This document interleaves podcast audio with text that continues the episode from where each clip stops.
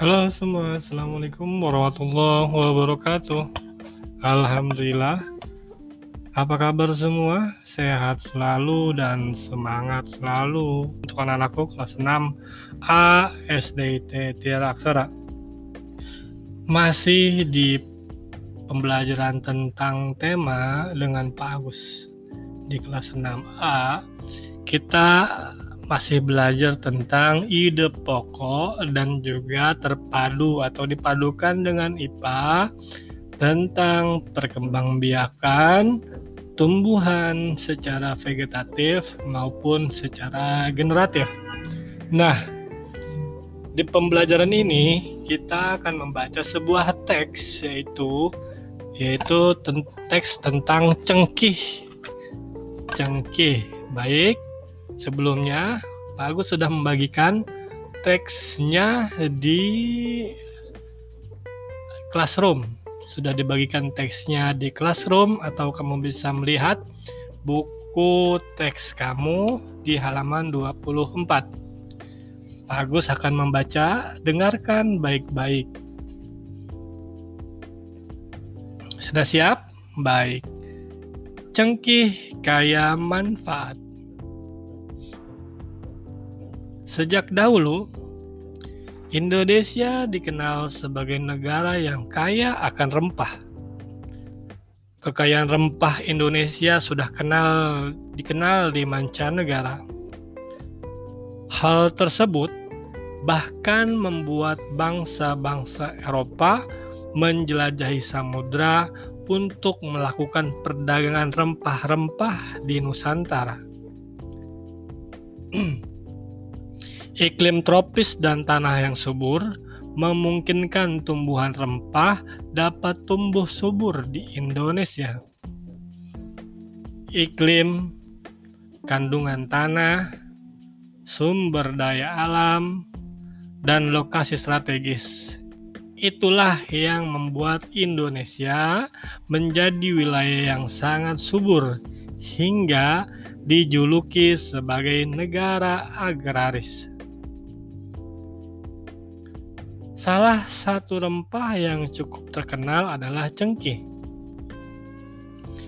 Cengkih merupakan tanaman rempah yang termasuk dalam komoditas sektor perkebunan. Jika dilihat dari segi fisik atau morfologi, cengkih termasuk jenis tumbuhan perdu yang berbatang besar dan berkayu keras. Tinggi tanaman ini dapat mencapai 15 sampai 40 meter. Sementara itu, daun tanaman cengkih berbentuk lonjong dengan panjang mencapai 7 sampai 13 cm dan lebar 3 sampai 6 cm. Tanaman cengkeh sering kali dimanfaatkan oleh masyarakat. Tanaman ini biasanya dimanfaatkan sebagai bahan campuran dalam pembuatan kue. Selain itu, cengkih digunakan sebagai bahan obat tradisional. Cengkih dapat dimanfaatkan sebagai bahan alami untuk sebagai bahan pembuatan obat anti nyamuk. Selain obat anti nyamuk, cengkih juga dapat digunakan sebagai obat. Bunga cengkih yang kering dapat digunakan sebagai obat kolera. Sedangkan minyak cengkih dapat digunakan untuk memperkuat usus dan lambung serta menambah jumlah sel darah putih.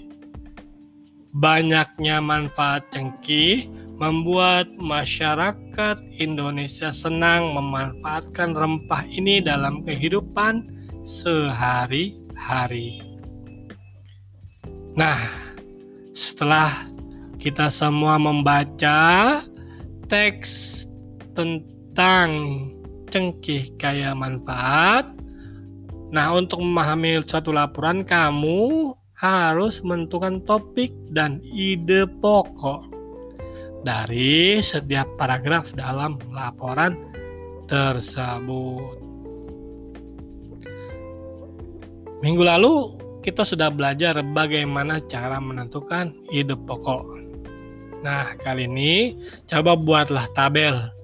Di situ ada dua kolom, saat paragraf ke-1, paragraf kedua, paragraf ketiga, paragraf keempat. Nah, dari setiap paragraf itu tentukan ide pokoknya. Paham? Bila paham, nanti kamu bisa menulis dan mengirim di Google Classroom kelas 6A. Sekian. Sampai ketemu lagi di pembelajaran selanjutnya dengan gaya pembelajaran dan media pembelajaran bervariasi. Akhirul kalam, Pak Agus akhiri. Assalamualaikum warahmatullahi wabarakatuh.